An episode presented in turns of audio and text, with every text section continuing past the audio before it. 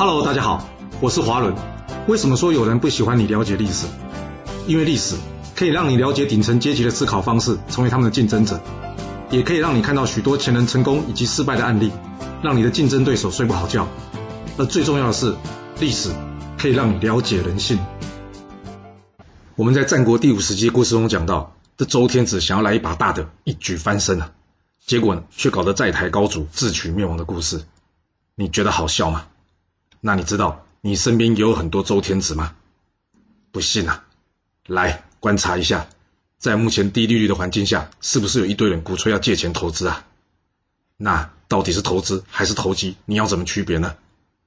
这企业家借钱呢，那是因为他看到了这笔现在的支出啊，在将来可以带来现金回馈的收入啊。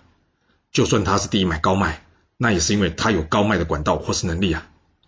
我们身边这些借钱投资想要做差价的朋友们。你觉得他们有这能力吗？别因为一时冲动幻想，让自己陷入了难以翻身的局面啊！周天子在历史上已经为我们亲自示范了一遍，所以该不该借钱投资这件事，你一定得考虑清楚啊！好了，我们今天就先说到这。若是你想要知道完整版的故事内容，欢迎您可以到说明栏中找到我爱故事频道的连结。要是你喜欢这频道，还要麻烦您动动你的手指，点赞、订阅、追踪。或是给我五星评价的支持，以及留言分享哦，谢谢您来收听，我们下次再见。